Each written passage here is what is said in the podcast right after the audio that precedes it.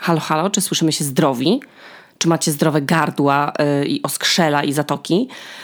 Powiem wam, że dawno nie byłam tak długo chora i w ogóle tak dziwnie jakoś nieprzemijalnie, nie, nieuleczalnie przeziębiona i, i serio, chyba ktoś na mnie jakąś klątwę rzucił i, i sprawił, że nie, po prostu zaczęłam przyciągać jak na tych reklamach, wiecie, wszystkie drobnoustroje, że ktoś tam kicha i po prostu te wszystkie drobiny leciały na mnie i, i ja po prostu jak magnes przyciągnęłam wszystkie, wszystkie bakterie i wirusy i grzyby chyba, które latały po powietrzu i jak taki filtr wciągałam je nosem i po prostu dlatego nie nagrywałam, bo, bo zdrowie mi nie dawało. Jak słychać, jeszcze odrobina mojego gardła mm, musi się wykurować, ale myślę, że już dzisiaj dam radę mówić do was więcej niż y, 20 minut. I będzie dziś odcinek ciekawy. Yy, rozważania będą bardzo ciekawe, bo ostatnio miałam do podejmowania wiele różnych decyzji.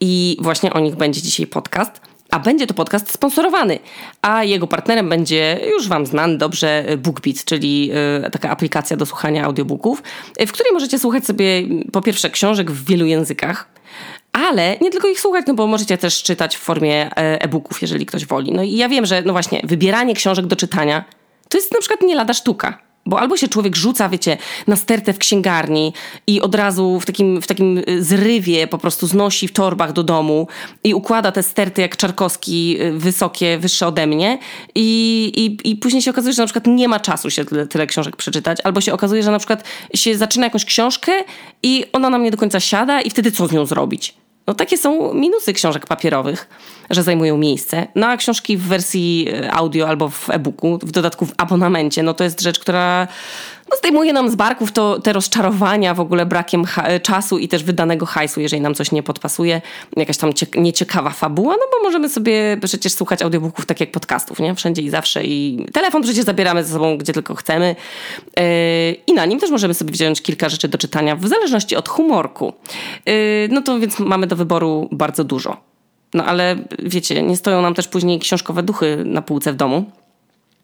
Ale widzicie, czy to jest dobrze mieć taki ogromny wy wy wybór, czy wolicie mieć mniejszy wybór? To dokładnie o, o, tym będzie dzisiejszy odcinek. O y, różne takie moje rozważania na temat wyborów. Y, I na przykład ja właśnie wolę, jak mogę podejmować decyzję i, i sama podejmować decyzję, w, jakiej, w jakiej formie y, przyjmę książkę. No ale dobra, to zanim pod koniec jeszcze odcinka uraczę Was kodem dla nowych użytkowników na, na 30 darmowych godzin czytania i słuchania, to pogadajmy o tych decyzjach. Jakiś czas temu jak Helena była chora, to e, miała tam prawie 40 stopni e, w nocy gorączki, takiej niezbijalnej w ogóle, wiecie, ibuprofenem. No i Amadeusz zapytał, czy idziemy, jedziemy z nią na SOR. I wiecie, to jest taki moment, kiedy się we mnie budzą dwa wilki.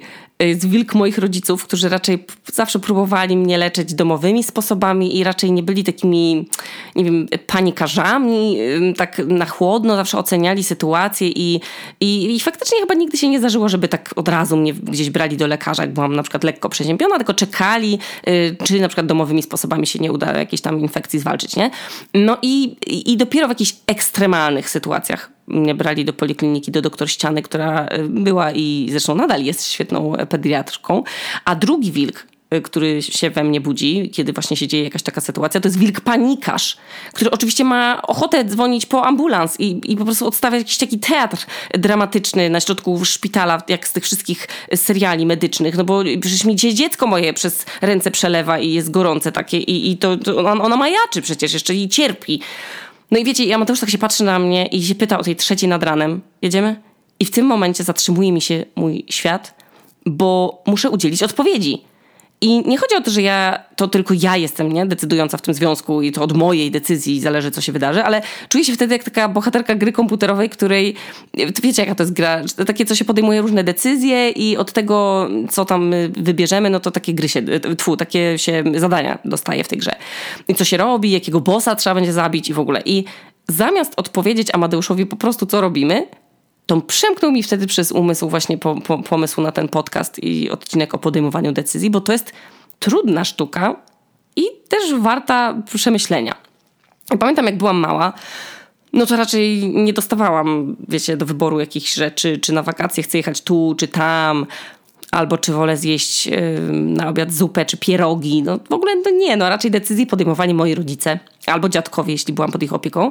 I nie uważałam, żeby to było coś złego Ja po prostu wiedziałam, że tak jest, bo, bo jestem dzieckiem i po prostu rodzice wiedzą, co jest dla mnie dobre. No i się kiedyś oczywiście też mówiło, że dzieci i ryby głosu nie mają, nie? ale już odchodzimy od takiego myślenia. No ale oczywiście moi rodzice zostawiali mi też pole jakieś do samodzielności i byłam bardzo, wydaje mi się, samodzielną dziewczynką. I pamiętam taką sytuację, że jakaś koleżanka mojej mamy dała jej tak zwane klumpy. I to były takie buty drewniaki, u mnie się na nie mówiło klumpy. Y, no i te buty, a były ich aż dwie pary, mm, to moje, y, jedna była dla mojej siostry i one były chyba jakieś zielone, takie jak żaba kermit, albo żółte w kwiatki, nie pamiętam, ale moje były takie całe żółte. I i wiecie, ja już po prostu, jak już z tej, z tej jej córki wyrosły z tych, z tych butów, no to taki dar losu wybitny. A ja bardzo wtedy marzyłam o takich butach, no bo wszystkie dziewczynki na podwórku w nich latały. No i jak tak mi mama je pokazała, no to ja od razu oczywiście chciałam w nich iść. I miałyśmy iść do pasmanterii. I pamiętam tę drogę jak kurwa dziś, no pamiętam szczegóły, nawet, nawet jaka była to pora roku, y, bo był to sam początek wakacji, jakieś zakończenie roku to było chyba przed weekendem. Ja miałam pewnie 7 lat i to było po pierwszej klasie. Ja tak bardzo chciałam iść w tych klumpach do tej pasmanterii, tak bardzo mi zależało. I mówiłam mamie, mamo, proszę, mamie, mamo, proszę. A mama mówiła, Asia, nie, bo ci się obetrą nogi, no zobaczysz, to jeszcze są za duże, będzie ci pięta latała. Ja mówię, mamo, no proszę, nie będzie latać, ja sobie wsadzę ten paseczek zapięte. A moja mama powiedziała, no dobra, ale ostrzegałam. Mm, no i ostrzegała. Nie zapomnę tego bólu nigdy. I faktycznie klumpy były za duże i zdarłam sobie w nich skórę na piętach przez ten zapiętek, jak ten taki paseczek, wiecie, skórzany. Chyba gorzej, gorzej chyba mnie obtarły nawet niż Blundstony na początku. I odparzyłam sobie w nich jeszcze stopy. A droga z tej pasmanterii, y, słuchajcie, na Jagiellońskiej do naszego domu, to nie wiem, z 7 minut nagle się zamieniła w jakieś 25 i, i finalnie po prostu błagałam mamę, żeby mnie niosła. Ale ona oczywiście nie mogła mnie nieść, bo już byłam trochę za duża. No, ale chyba mi kupiła w aptece po prostu plastry i jakoś tam doszłam do mieszkania cała we łzach. Ale było warto podjąć tę decyzję, bo pamiętam tę sytuację do dziś i mam o czym wam opowie- oczywiście, oczywiście opowiedzieć. No i też dlatego, że pamiętam, że mama mi wtedy pozwoliła. I to było dla mnie mega ważne, dlatego że warto dostać te lekcje, że klumpy są potwornym obuwiem, ale otrzymanie takiego zaufania, że mogłam sama zadecydować, no to było bardzo, bardzo dużo dla mnie. Jak tak myślę teraz o w ogóle o nauce podejmowania decyzji, to przypomina mi się okres dzieciństwa i moja pierwsza taka duża decyzja, jaką podjęłam, czyli decyzja o niejedzeniu mięsa. I jak przestałam jeść mięso na prawie 10 lat, to było jak miałam lat 11, tak? I w sumie to moi rodzice byli z tym ok, e, ale mama mówiła, że ja nie będę gotować dwóch obiadów. I, I tak gotowała dużo rzeczy, które mogliśmy wszyscy jeść, ale faktycznie szybko poczułam konsekwencje tej decyzji, no bo no, musiałam się nauczyć robić pewne rzeczy sama i to był, wiecie, 2006 rok, y, nie było wtedy takiego wyboru zamienników wegańskich rzeczy, albo wiecie, no nie było do kupowania po prostu sobie tofu, nie, w normalnym sklepie, tylko takie kotlety sojowe z tego brykietu, wiecie, takie okropne, takie gąbczaste. Więc jakby, no, konsekwencją tego mojego wyboru był fakt, że musiałam się nauczyć je przyrządzać w taki sposób, żeby to było zjadliwe. No i oczywiście taki, żeby umiały przypominać pokarm dla człowieka, a nie dla szczura. No i żeby miał jakiś smak. I podjęcie decyzji było bardzo łatwe. A dużo mniej przyjemne było jednak szukanie, wiecie, tych opcji jedzeniowych, na przykład z rodzicami na wakacjach, albo jak się do babci szło na obiad. Chociaż babcia y, dużo bardziej wyrozumiale podchodziła do naszych tych wnuczkowych, wymyślanych diet y, i zawsze szykowała coś, co, co wpadało akurat w ten, ten, w sensie moje y, i mojej siostry, te wykluczenia żywieniowe, które sobie same wymyślałyśmy. No i jak to nastolatki, raz tam nie jadłyśmy tego, raz tam ziemniaków, no bo w magazynie Shape napisali, że ziemniaki to jest po prostu, wiecie, 5 kilo się tyje od razu po posiłku. Yy, no i podjęcie decyzji wiązało się z takimi no, konsekwencjami. I, i miałam mniejszy wybór jedzenia, wiedziałam, że nikt nie będzie dla mnie robił nowego menu na wesele na przykład, nie? Ale byłam zadowolona, bo podjęłam decyzję i się jej trzymam, no i nikt nie zabronił mi podjęcia tej decyzji, tylko pokazano mi, jakie mogą być tego konsekwencje. No a wiek nastoletni, no to przecież też nie jest wiek, w którym pozwala się nam wybierać, nie? I można wybierać sobie tam kurtkę, jaką by się chciało, bo wszyscy takie mają, ale tak finalnie, no to ten, kto płaci, podejmuje decyzję, no. Więc taki klasyk, jak idziecie z mamą na targowisko miejskie, bo chcecie buty ze świecącą podeszwą, takie jak ma Ola, jakaś tam z drugiej C i mówicie, mamo, ja bym chciała takie coś, mają świecące lampki w podeszwie, a mama już pyta w ogóle tej pani sprzedawczyni, czy te halówki obok w ogóle mają rozmiar 34 i już kurwa wiecie, że to są, że to, to wasze buty, a i tak mama płaci, więc możecie sobie ewentualnie po prostu pomalować podeszwę długopisem i poprosić znajomych o podpisy, bo nie dostaniecie świecących butów. Mimo tego, że różnica w cenie wynosi dokładnie, nie wiem, 5 zł, nie? Ale i tak to jest, no po prostu nie wiem, czasami mam wrażenie, że, że rodzice dla zasady y, nie ulegali naszym, y, naszym pomysłom. Tak przynajmniej y, mam taki wniosek po tym, jak rozmawiałam sobie z kilkoma osobami y, mi bliskimi, które też mają podobne wspomnienia. Albo na przykład kwestia szkolnego wyglądu, nie? I teraz myślę, że już jest większy luz w tym, jak się wygląda w szkole. Jak patrzę, jak chodzą ubrane do szkoły nastolatki, jakie mogą mieć makijaże i pazury, no to myślę, że zaszła duża zmiana. Ale na przykład jak chciałam sama decydować o swojej fryzurze w gimnazjum, no to kochani, postanowiłam, że chcę mieć dreda chyba nie opowiadałam chyba całej tej historii, ale jak byłam w, wydaje mi się, że drugiej klasie gimnazjum, to zapłaciłam takiej znajomej całe kieszonkowe za to, żeby mi dokręciła swojego długiego dreda z takim pomarańczowym koralikiem ceramicznym. Bardzo mi się to wtedy podobało. Y, tak miałam go od spodu włosów, tak wiecie, przy, tak pięknie był, komponował się z moimi długimi włosami, on tak ładnie wyglądał w ogóle w kucyku. No i oczywiście zrobiłam sobie go nie pytając rodziców o zdanie, bo ja wiedziałam, jakie będzie ich zdanie i że nie dadzą mi na to zgody. E, I, i to jest moje takie, w sensie mam takie bardzo duże marzenie w związku z wychowywaniem Heleny, że, żeby ona miała zawsze poczucie, że mimo tego, że się mogę na coś nie zgodzić, to żeby mm, czuła, że zostanie wysłuchana i nie zostanie na przykład wyśmiana ze swoim pomysłem, albo nie zostanie y, oceniona ze swoim pomysłem, tylko że po prostu będę wiedziała, że na przykład coś jej się podoba i powiem, kurczę, widzę, że ci się podoba, ale wiesz co, nie mogę się na to zgodzić, bo na przykład, nie wiem, w regulaminie szkoły jest taka i taka zasada, ale wiesz, gdyby to ode mnie zależało, to mogłabyś sobie nawet zrobić irokeza, nie? W sensie, żeby nigdy nie czuła lęku przed powiedzeniem mi czegoś, jeżeli będzie chciała mieć gdzieś, nie wiem, kolczyk, tatuaż czy cokolwiek, to żeby mi o tym powiedziała, no, bo wolę jednak w lepszych warunkach jej to zrobić, skoro i tak wiem, że jest nastolatką i pewnie i tak to zrobi, jeżeli coś będzie chciała zrobić. No więc ja nie pytałam w ogóle moich rodziców o zgodę, bo już znałam odpowiedź, że się nie zgodzą.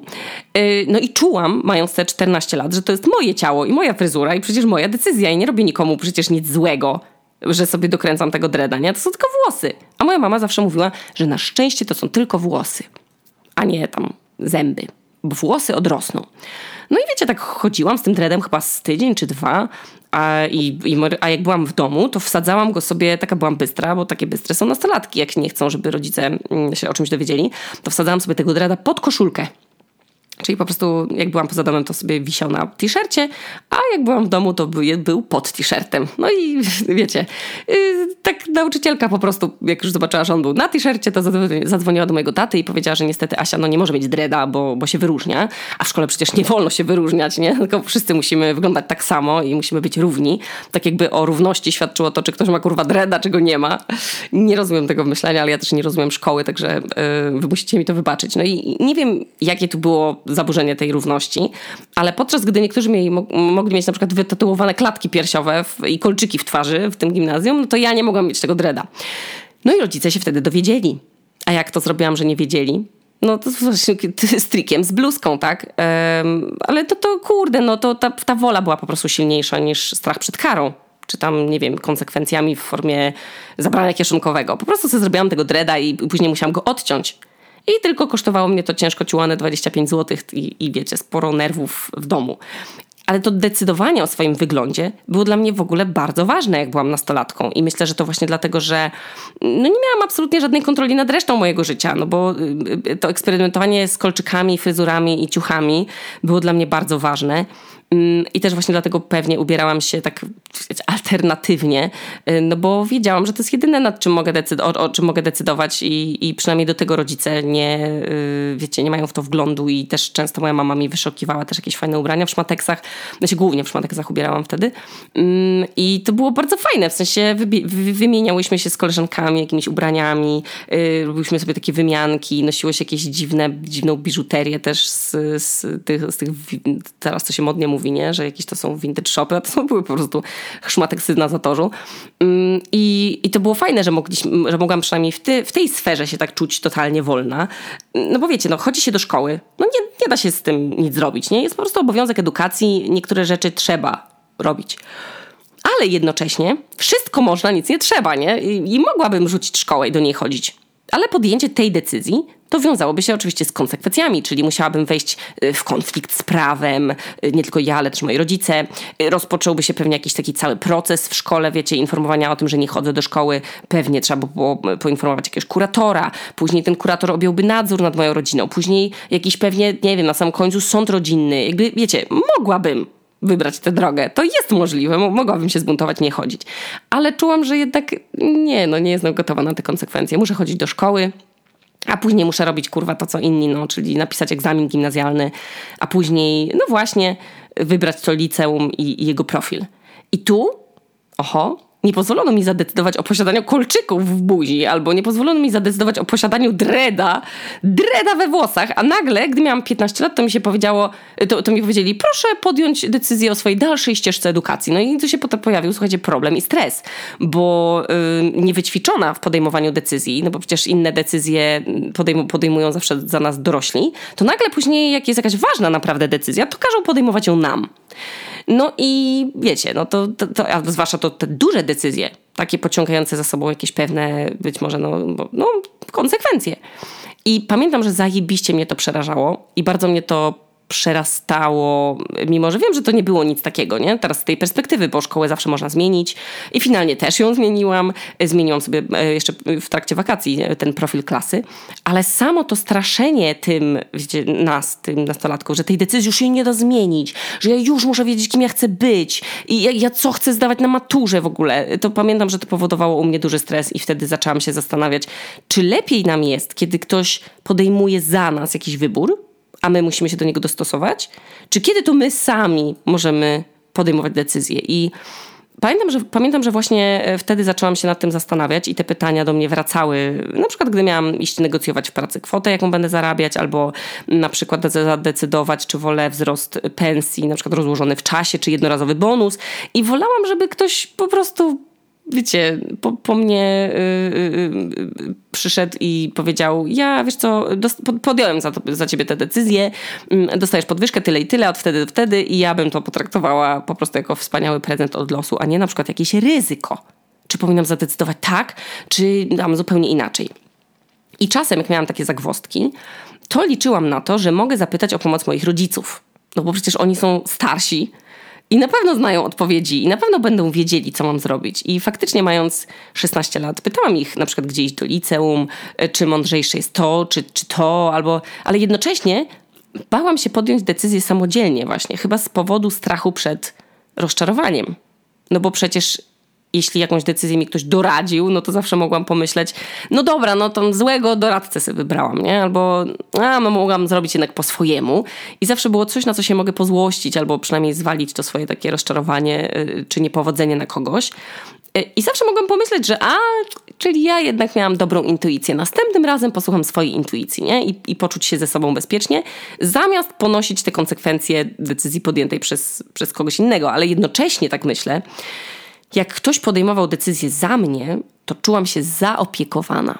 Czy wy wiecie, o czym mówię? Że czułam się taka zauważona, no właśnie zaopiekowana, jakby mnie ktoś po prostu otulił i powiedział: Nie, martw się tym, już śpij spokojnie, ja się tym zajmę.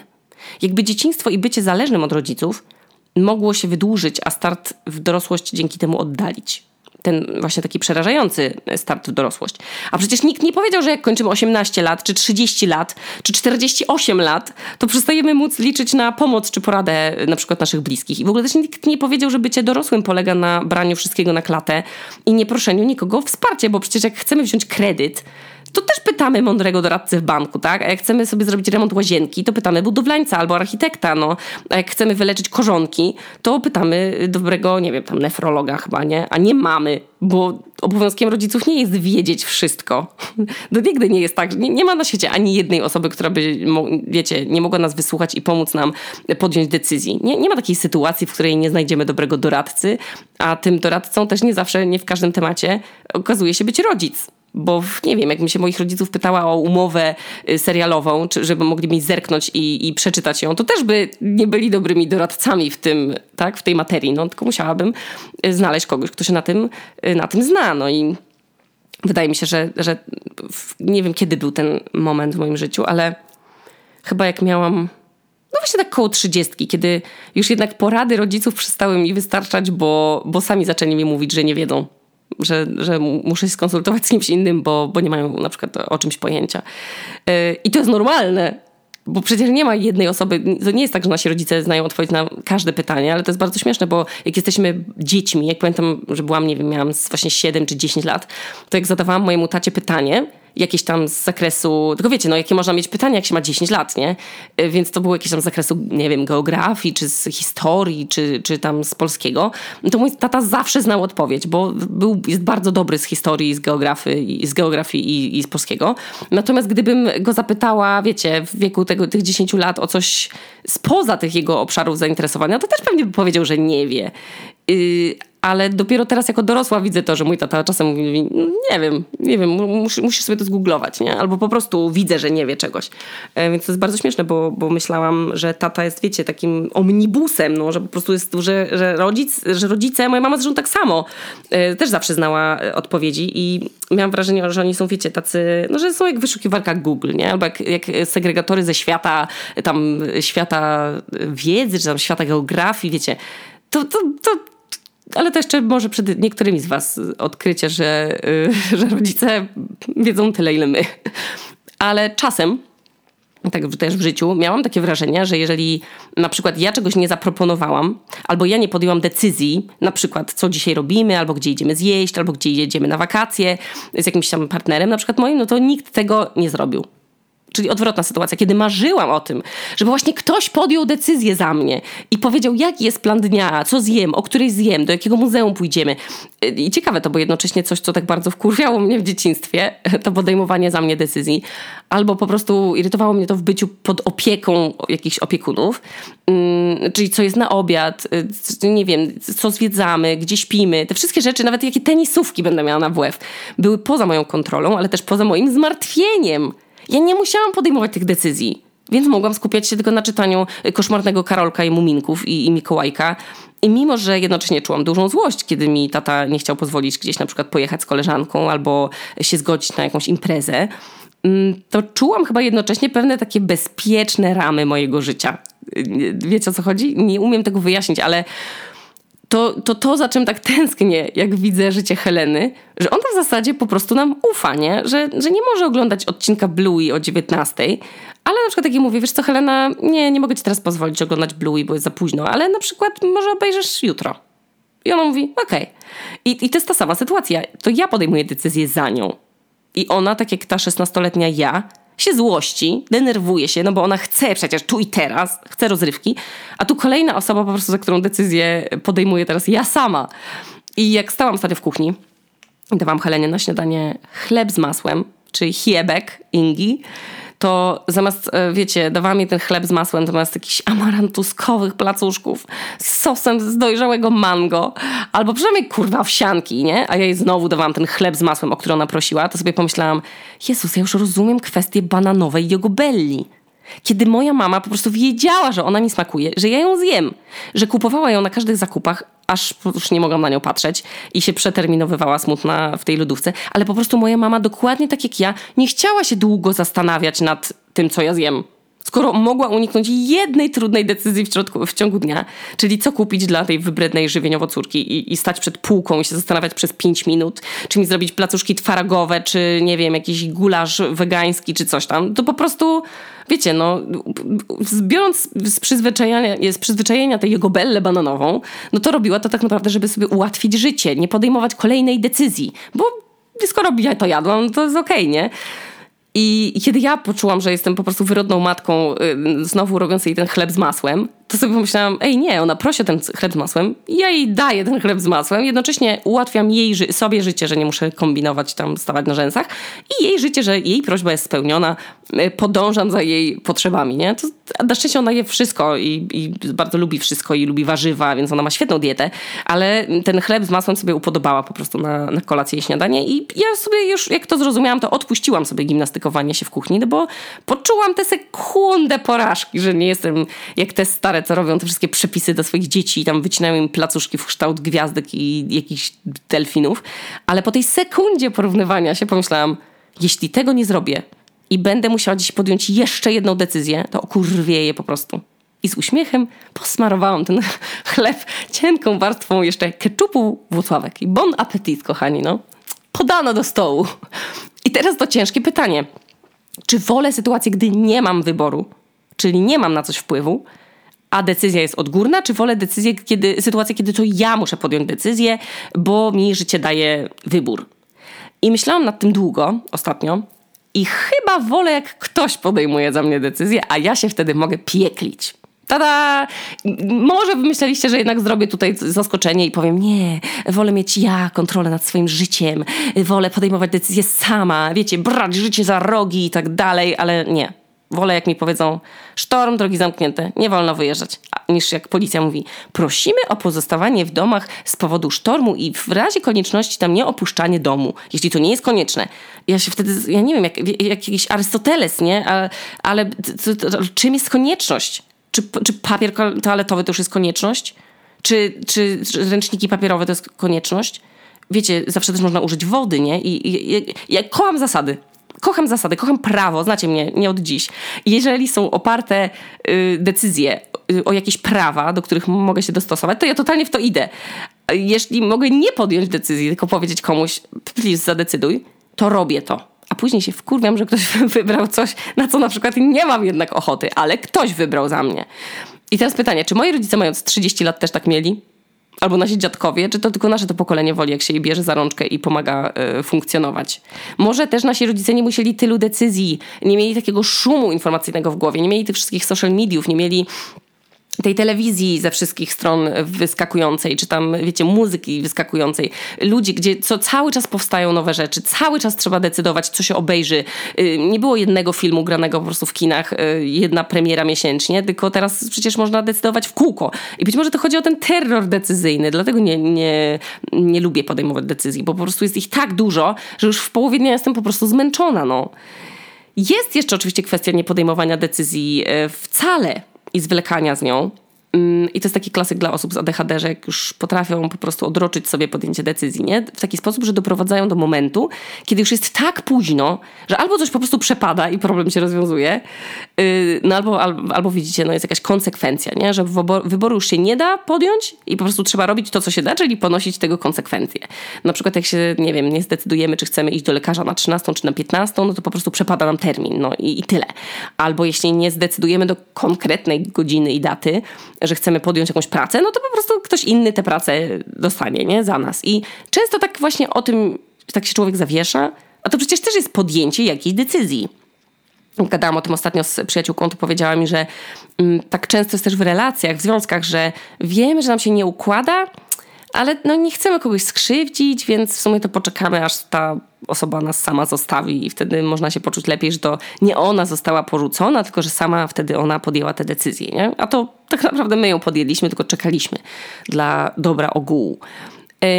I podejmowałam w swoim życiu wiele dużych decyzji, e, na przykład decyzja o dziecku jest taką decyzją, decyzja o emigracji, decyzja o przyjęciu zaręczyn, o wydaniu książki w self-publishingu, a nie w znanym wydawnictwie, mm, decyzja o wycofaniu się z podpisania umowy z tą dużą platformą streamingową kiedyś i, i zrzeczeniu się praw do idiotek, właśnie to jest chyba dwa lata temu. I wiecie, z perspektywy czasu myślę, że mm, najgorsze są te decyzje, za które nikt inny nie może podjąć, w sensie nie może nikt za, nie, za nas je podjąć, a one są na tyle duże, że po prostu nie ma od nich odwrotu tak jak na przykład posiadanie dziecka. Nie? Uważam, że to jest mega dziwne, że żeby móc kierować samochodem, gdzie możemy kogoś zabić w 5 minut, to wymaga się od nas zdania, wiecie, dwóch egzaminów, zapłacenia za kurs i, i tak dalej. Ale żeby zrobić sobie dziecko, to wystarczy tylko, jeżeli nie ma oczywiście problemów zdrowotnych, no to tak naprawdę chęć. I nikt później nie sprawdza, co się dzieje z tym dzieckiem, czy my jesteśmy dla niego dobrzy, czy, okazujemy mu, wiecie, miłość i bezpieczeństwo dajemy i, i przede wszystkim miłość bezwarunkową, czy na przykład traktujemy jak przedmiot. Nikt tego nie sprawdza. A to właśnie taka decyzja, która ma przecież największy wpływ na nasze życie i nie tylko nasze, ale wszystkich dookoła te, też. Większy niż zrobienie prawa jazdy i większy niż edukacja czy zmiana pracy. Mm, I posiadanie dzieci jest, jest tak z mega złożonym tematem, mającym wpływ na absolutnie każdy aspekt życia człowieka. I nie mówię o naszym tylko, ale też wszystkich mówię dookoła nas. I o tym dziecku, jakich będzie miało rodziców, z jakich warunkach, e, w jakich warunkach będzie wychowywane, w jakim kraju się urodzi. Y, nie no, to jest jakiś absurd. Nie, nie wiem, że to jest wręcz niemożliwe, że nie robi się żadnych badań psychologicznych przyszłych rodziców, ani się nie wydaje na to po prostu kart jak na prawo jazdy. I największe decyzje, mm, no to właśnie te chyba, których już się nie da cofnąć. Nie? No bo na przykład jak taka, yy, nawet, no ale nawet, nie? Gdyby, gdyby taka Iga Świątek powiedziała a, w dupie to mam i skończę karierę, nie? To zawsze sobie może ją odnowić. To nie jest taka definitywna decyzja, że już na przykład nie można wrócić do sportu, nie? Albo na przykład jakby ktoś powiedział, a zamykam najlepszą restaurację w Warszawie, zamykamy się, nie? Coś tam mi się nie podoba. To za, jak za rok te restauracje znowu by otworzył, no to jakby nadal ludzie by chodzili, by, byliby zadowoleni, jeszcze sobie by myśleli, o Jezu, jak fajnie, rok za wami tęskniłem, nie? A tak kurczę, są takie decyzje, których się już nie da nigdy cofnąć i nie da się z nich już wycofać. Nawet zrobienie sobie cycków w dzisiejszych czasach da się cofnąć. Da się zamknąć biznes, da się zmienić studia, da się zmienić szkoły, usuwać tatuaże, yy, da się pozbyć kredytu, sprzedać dom, który już wybudowaliśmy, no, rozwód można wziąć, yy, wrócić z emigracji jeżeli istnieją takie furtki, no to znaczy, że dla niektórych, y, że, że jeśli tych niektórych decyzji możemy pożałować, no to zawsze możemy je zmienić, nie? I nie ma w tym chyba nic złego. No, jak myślę, jakie decyzja podejmowałabym w tych samych tematach kiedyś i teraz, kiedy już sobie nieco poukładałam w głowie, a i tak dopiero w tym roku skończę 30 lat na Boga, to przecież ile jeszcze przede mną, jak się zastanawiam, które decyzje w moim życiu podjęłabym inaczej, to chyba wcześniej bym zmieniła pracę, która mnie denerwowała Wcześniej poszłabym do psychiatry i się dowiedziała, że, leki, y, że, że, że, są leki na lęki i że można dzięki temu się nie stresować, wykonując na przykład telefony albo po prostu robiąc wszystkie rzeczy, które robią normalnie ludzie. Tylko ja je robiłam z lękiem. Mm, wcześniej bym sobie wróciła do jogi. Chyba nie odpuściłabym tak też uczenia się języków po szkole. No bo wiecie, no jak się już nie trzeba było uczyć tego francuskiego, to się po prostu przestałam go uczyć. I wiele decyzji da się podjąć też ponownie, nie? gdzie się mieszka. Chciałabym kiedyś na przykład pomieszkać przez dłuższy czas w Indiach, ale wiem, że no, to by się wiązało z wieloma konsekwencjami. W tym e, Heleny zaburzona e, tok edukacji, bo już nie jestem w stanie przez te, przecież kilka lat zrobić edukacji domowej po islandzku, no bo nie znam na tyle islandzkiego. Amadeusz chce zacząć szkołę psychoterapii i też no to skoro to trwa 4 lata, to przez najbliższe 4 lata raczej jesteśmy uziemieni w tej naszej strefie czasowej. Żałuję, że nie przeprowadziliśmy się do Indii przed Helenką. Chociaż wtedy też nie mielibyśmy na to e, aż tak pieniędzy po prostu, więc to też z czegoś wynikało. E, no więc też nie biczuję się, nie? Jak jakieś decyzje mogły być podjęte inaczej, bo po prostu nie miałam na to zasobów albo finansowych, mm, albo odwagi, albo po prostu nawet nie miałam takich potrzeb, nie? I jak jeszcze tak sobie myślę w temacie mm, decyzji, to ciekawe jest, ja lubię sobie tak często wyobrażać za powiekami, jakby to był film jakiś, w jaki sposób jedna nasza decyzja wpływa na całe nasze losy. I to doskonale widać na, na przykładach jakichś tam sytuacji wypadkowych, że na przykład gdybyśmy wyjechali, nie wiem, 5 minut później, to byśmy nie mieli stłuczki, y, no bo ten samochód, który w nas puknął, to byłby w innym miejscu, nie? A jeżeli nie mielibyśmy tej stłuczki, to na przykład nie mielibyśmy bólu szyi, nie? A gdyby nie ten ból szyi, to byśmy, nie musielibyśmy iść na zwolnienie, przez który tam, nie wiem, no, nas zwolnili czy cokolwiek, nie? Jakby uwielbiam sobie robić takie wyimaginowane scenariusze, Wiem, że normalnie ludzie tego raczej chyba nie robią tak na co dzień, cały czas, ale ja sobie nawet wyobrażam, jak właśnie ktoś kaszle, to te mikrocząsteczki wirusów lecą przez pół sklepu, później ktoś je wdycha tak i one trafiają mu do płuc i później sobie wyobrażam, że on już w domu się zaczyna źle czuć i to jest przez ten jeden moment, to kichnięcie czy kaszlnięcie pani tam dwa rzędy dalej, nie? Czy, czy wy tak robicie? No bo ja robię. I na przykład wczoraj e, poszłam do lekarza, bo już naprawdę zaczynał się trzeci tydzień zapalenia zatok i przestało to już być normalne. No i myślałam, że jak zwykle na Islandii się pani da paracetamol nie? i powie, że no tam proszę oddychać zimnym powietrzem i chodzić na basen. No ale już tak się naprawdę do dupy czułam, że powiedziałam, dobra, idę, po prostu już mus, po prostu muszę iść. Jest takie coś, że jak się jest chorym, a nie ma już terminów takich na wizytę y, normalnych, y, no to ma dyżur jeden lekarz i jedna pielęgniarka i się przechodzi taki casting pielęgniarski. Y, a ona decyduje, czy serio musisz zobaczyć lekarza, czy może po prostu dać ci paracetamol i kazać iść wdychać chłodne powietrze i iść na basen. I słuchajcie, udało mi się już drugi raz dostać dalej I dostałam się dalej, trafiłam na świetnego lekarza, świetnego, opłukał mi każdą zatokę, zaświecił mi w każdym otworze głowy, czy mam zapalenie uszu i nosa i gardła. Kazał dyszeć, kazał kasłać.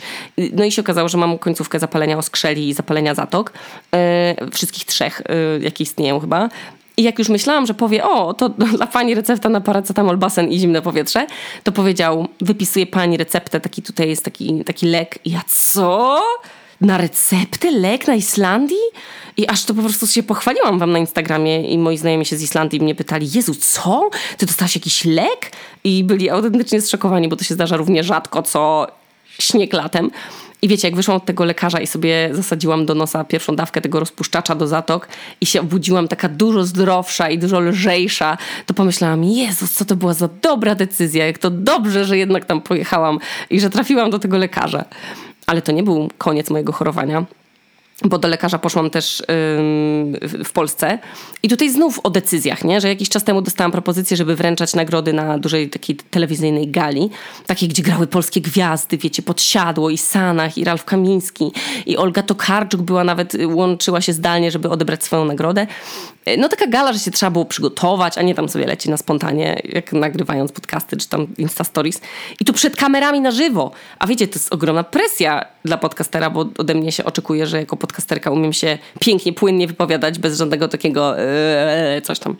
No i myślałam nad tym długo nad decyzją swoją, no bo to oznaczało oczywiście lot, organizowanie jakiegoś wsparcia dla Amadeusza i, Helenki na pięć dni, kiedy mnie nie będzie, no bo przecież ktoś musi ją odebrać ze żłoba, e, kiedy Amadeusz jest w pracy. No i wiecie, no to była duża, taka stresująca rzecz. I jak sobie wyobrażałam siebie na tej scenie, to od razu mnie bolał brzuch i plecy i miałam po prostu czarne scenariusze, że, że nic nie powiem, a to jest przecież na żywo i że w internecie jeszcze i w telewizji i że po prostu się zestresuję się wygłupię. I decyzja nie była łatwa, bo z jednej strony było ryzyko przypału i narobienia sobie wstydu, a z drugiej strony taka ekscytacja, bo no bo nigdy w życiu nie robiłam czegoś takiego i chciałam zobaczyć, jak to jest zorganizowane, taka gala. I słuchajcie, podjęłam tę decyzję twierdzącą właśnie dlatego, że nigdy tego nie robiłam. I to było wspaniałe doświadczenie. Przysięgam, tyle się nauczyłam w te dwa dni przygotowań gali. Będę to pamiętać chyba do końca życia. Było ekstra. I gdybym ze strachu podjęła inną decyzję i nie poleciała do Polski, to pewnie by mi było teraz żal. E, także cieszę się, że zamiast czekać do tego samego końca e, albo poprosić, żeby na przykład ktoś za mnie zadecydował, to sama powiedziałam, że, że A i później aż do Z. Także mm, dobrze mi to zrobiło na takie poczucie, wiecie, sprawczości. Dziękuję Wam e, za dzisiejsze wspólne rozkminy dotyczące decyzji i decydowania i tych decyzji podejmowanych ze strachu i tych z ciekawości, i, bo jeszcze na przykład czegoś nie próbowaliśmy. Mm, i tych też decyzji podejmowanych za kogoś i tych, które za nas się podejmuje. To jest w ogóle szeroki temat i bardzo się cieszę, że mogłam na chwilę y, z wami usiąść i się pozastanawiać nad nim. A jeżeli będziecie teraz się zastanawiać na przykład tym, nad tym, jakie książki najpierw sobie posłuchać w apce BookBeat, no to ja słuchałam teraz bardzo słodkiej książki. O Jezus, przysięgam, bardzo słodki temat. Jest to książka, która się nazywa y, Krótko i szczęśliwie, historie późnych miłości. Y, Agaty Romaniuk, która też czyta tę książkę. Jezu, ile jest książek o na przykład pierwszych miłościach, nie? A ile jest o ostatnich? Jezu, przysięgam, wzruszałam się cały czas tymi historiami, bo to są prawdziwe historie osób, które te prawdziwe miłości przeżyły na samym swoim końcu życia. Y, I idiotkowe odrobinę, ale przede wszystkim bardzo ciepłe i takie no, podnoszące na, na duchu, no, że piękna jest miłość. Nie tylko ta, wiecie, świeża i energiczna, y, jędrna i nowa i szalona, ale też taka późna, taka przytulająca i też taka, no, taka ostateczna. No. Idealna w ogóle długość tej książki na lot z Polski na Islandię, było tam cztery godzinki z hakiem. Y, słuchałam, czyli tyle co lot. Mm, a w życiu bym tyle nie wytrzymała czytać oczami, więc już mam kolejną książkę odhaczoną na ten rok, także bardzo spontanicznie. A, y, a z kodem Okuniewska nowi użytkownicy mają 45 darmowych dni w abonamencie BookBeat Basic i polega to na tym, że ten nowy użytkownik 45 dni e, będzie mógł sobie słuchać i czytać przez 30 godzin, co tylko chce i można zmieniać decyzję, czego chcemy słuchać i, i ile chcemy razy. I naprawdę nikt tego nie sprawdza. Możemy nawet zmieniać decyzję co 10 minut, bez kitu. No i ta oferta na 45 dni jest ważna do końca lutego, także e, polecam się pospieszyć jednak. No miłego słuchania, miłego zdrowienia dla tych, którzy są chorzy, e, a dla tych, przed którymi stoją jakieś ważne wybory. Trzymam za Was kciuki i życzę Wam powodzenia. No, tu Okuniewska z nadpiwniczki w Reykjaviku, a to był odcinek o decyzjach.